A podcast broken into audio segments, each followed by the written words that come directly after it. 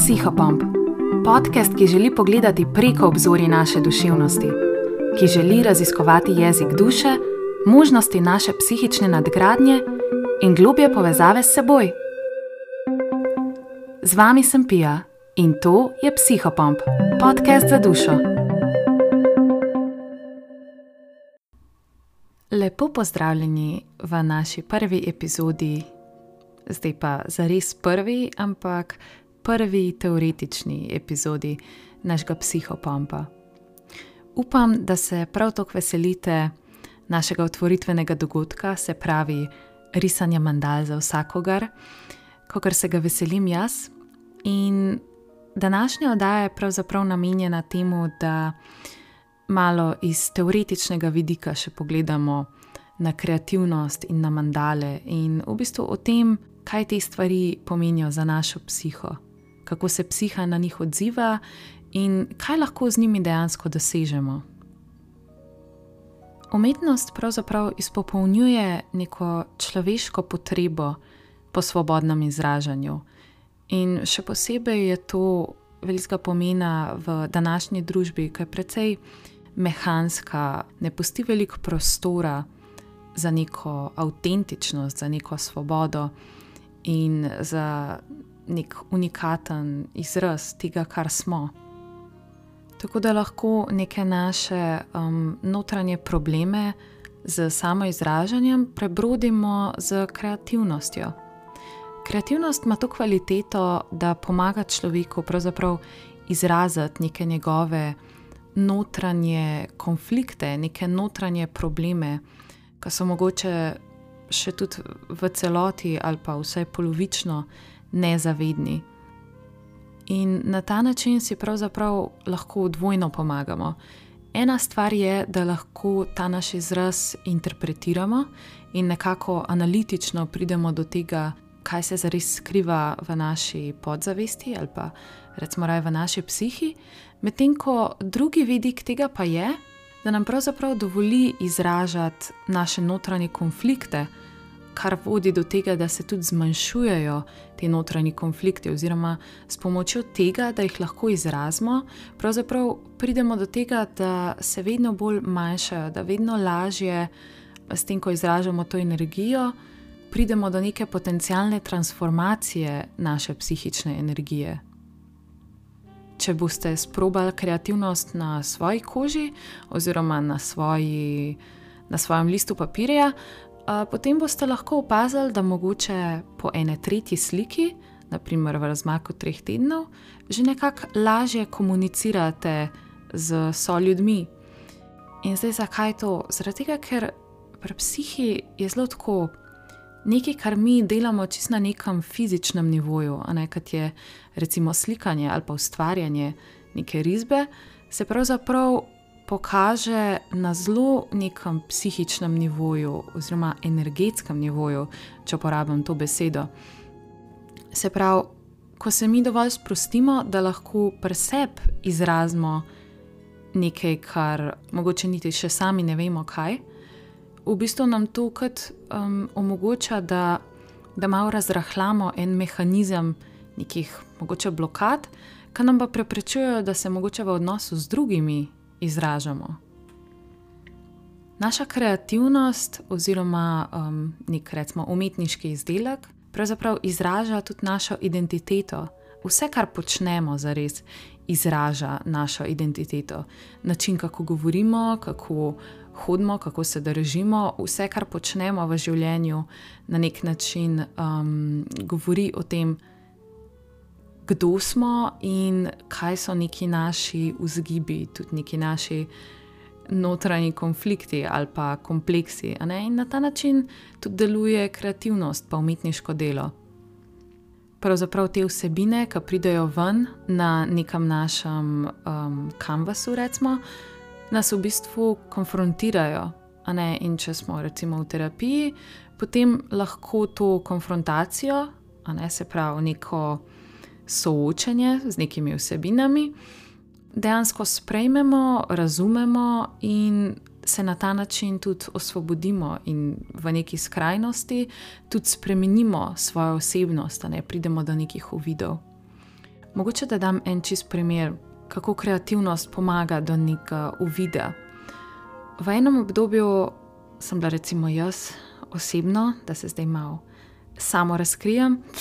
Um, v enem obdobju sem bila zelo nesrečna in takrat sem narisala eno sliko, eno skico, v bistvu ene uh, punce, ki gleda tako zelo z enim takim izrazom, tako zdolgočasenosti, hkrati pa tudi enega, ene brezvolje, enega tako nemotiviranosti do življenja. In gleda pravzaprav v vazo, kjer so odrezane sončnice. In pač to sliko sem narisala in še poimenovala sem naslov, je bil Tell me what is that I really want, se mi zdi. In skratka, na to sliko sem že pozabila, in potem čez nekaj let sem na eni točki čistko nezavedno, a veste, tisto, kam malo pač kracaš v zvezek, medtem ko nekdo nekaj govori, kar bi mogoče mogel poslušati. Skratka, um, sem se zavedla, da rišem sončnice.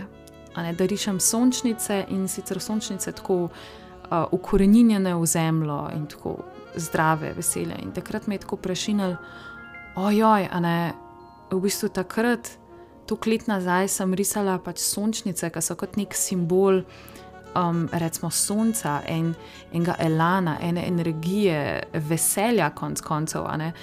Sonce, neki svetovega, močnega, um, tazga, ki nas poživi. In na tisti prvi sliki so bile sončnice odrezane, se pravi, sončnice so prekinili smo dotok življenja tem rožam, umrle bojo slejka prej in tudi neka apatija te punce, narisane na sliki. Medtem ko nekaj let kasneje, pa potem sončance, ki so v uh, zemlji in visoko stojijo in ponosno rastejo. In tukaj na drugi sliki je pa potem nek, ma ne bom sploh rekla nov začetek, ampak samo ta neka drža in živost in v bistvu neka konstantnost se tudi izraža, ne? neka konstantnost bivanja in elana in življenja.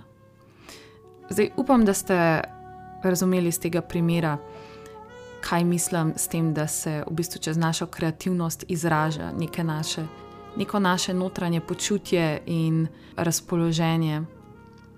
In v bistvu tudi taki uvidi so potem razlog, da lahko čez kreativnost sicer v povezavi z neko interpretacijo, tudi doživimo neko katarzo.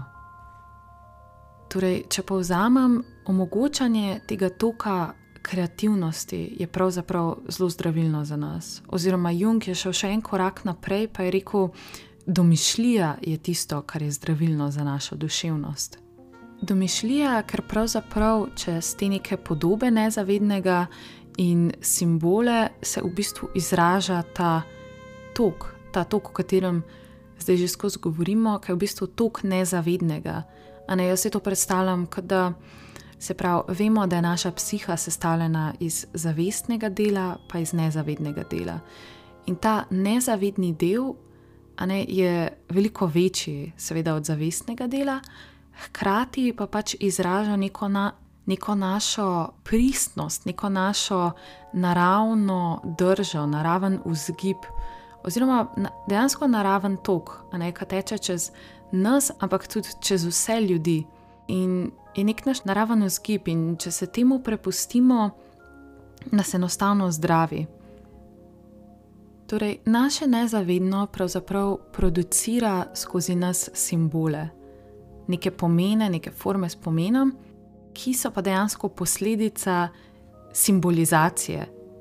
In simbolizacija v bistvu pomeni, po teorijah, recimo globinskih psihologov, naprimer Junga, da je naše nezavedno, ne, kot smo rekli, je velik del naše psihe, da v bistvu deluje kot neka živa enota, kot, ali pa recimo raje živa entiteta, živa organizacija ki producira nek pomen. Tako kot smo se pogovarjali o drži, o načinu govora, ali pa recimo o sliki. Ne, slika se izrazi skozi nas in simbolizira naše počutje. a ne sproducira neko sporočilo za nas in za cel svet.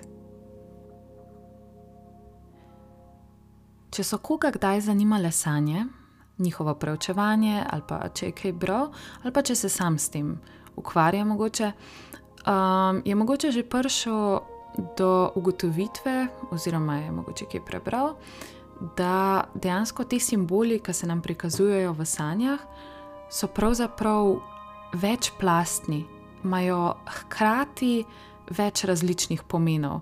Jaz to doživljam, da se v bistvu simboli na večjih dimenzijah pač odvija njihov pomen. In Jung je pravzaprav rekel, da so simboli dvostranski, ne da imajo nek bipolarni terapevtski učinek, je celo rekel. In kaj to v bistvu pomeni? Ja, naša psiha je pravzaprav celota. Ampak v tej celoti je veliko enih nasprotij, je veliko enih konfrontacij, enih nasprotnih si teženj. In simbol z svojim večplastnim pomenom pa pravzaprav deluje kot nek povezovalni člen, ki znotraj psihe dejansko lahko poveže vse te nasprotne težnje. Deluje kot nek pomirjevalni učinek, ki dejansko ureja več stvari hkrati.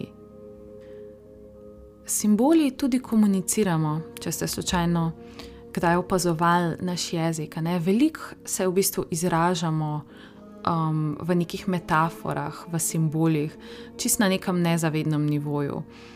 In tako kot je to jezik naše psihe in ga mi lahko recimo beremo, um, tako kot je iz san, tako ga lahko tudi izražamo, oziroma poskušamo dvosmerno komunicirati z našo psiho.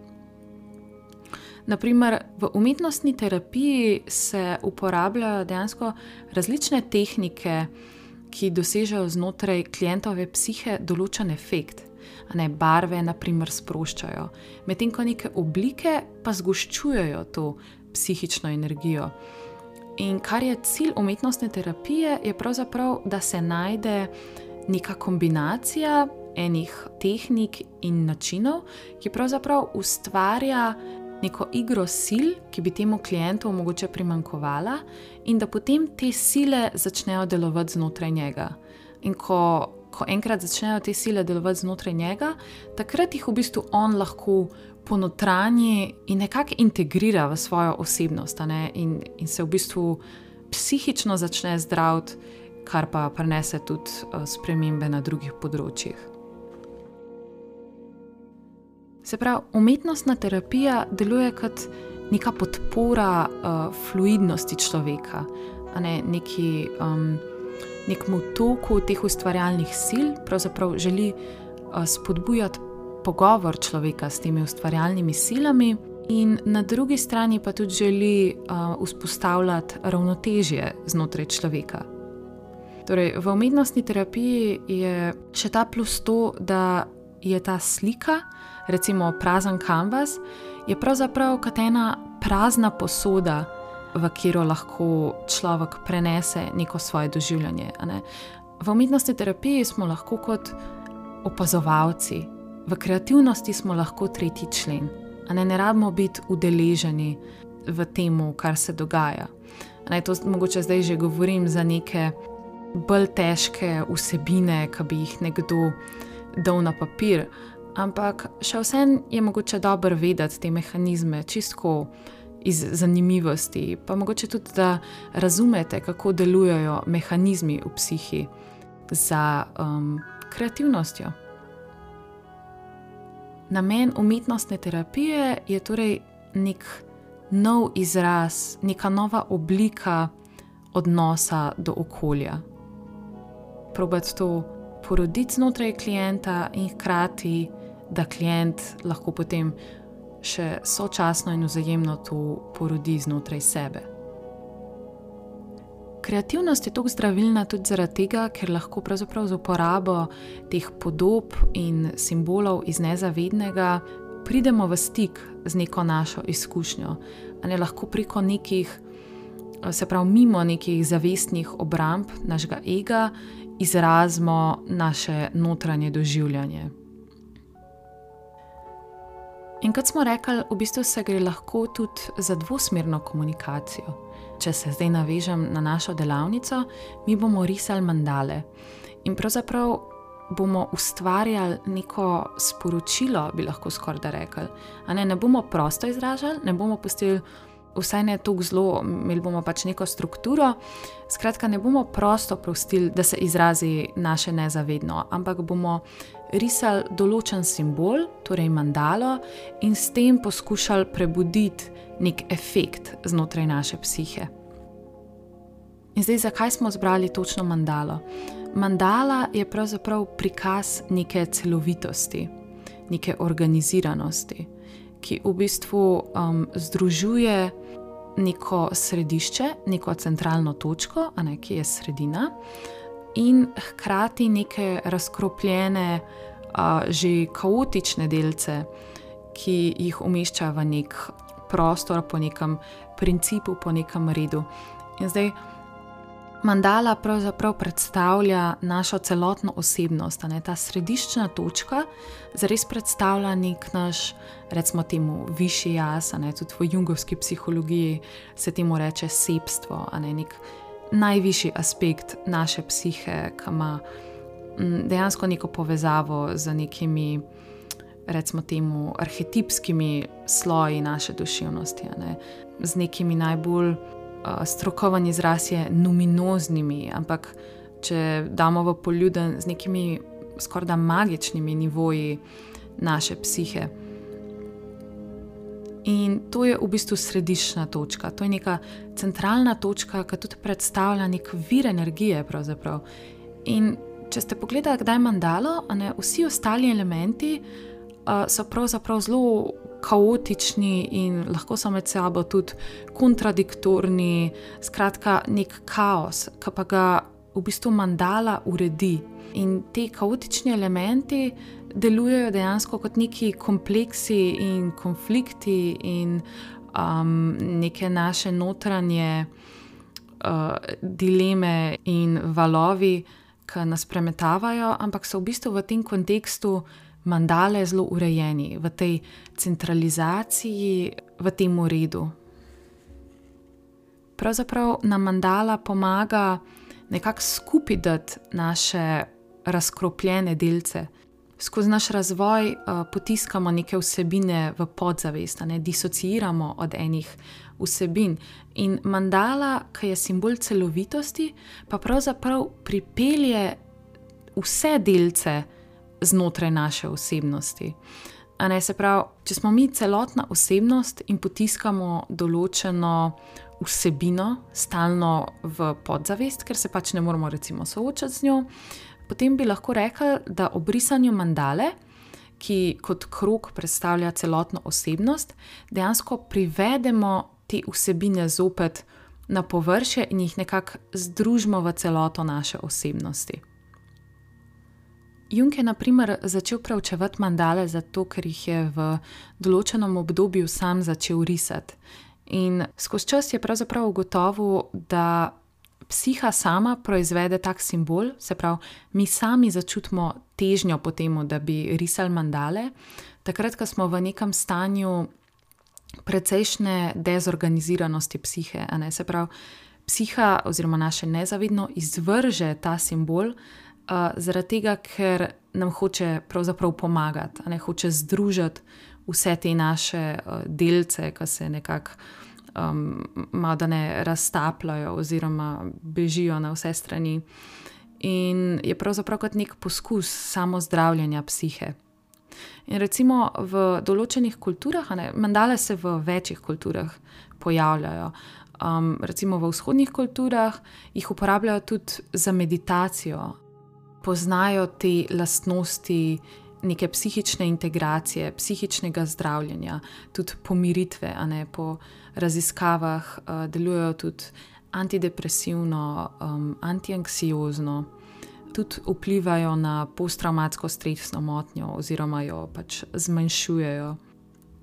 Dejansko mandale tudi pomagajo pri nekem zaključevanju naših notranjih travm, a ne pri zaključevanju teh procesov. Ker, kot sem rekla, je v bistvu to ne, en krog, en, ena celovitost, vse potegne v nek krog celovitosti proti središču, v nek red in mir. Se pravi, mi izrazimo s tem, ko bomo risali mandale, bomo izrazili simbol tega, da je naša osebnost v nekem miru in v neki kompoziciji.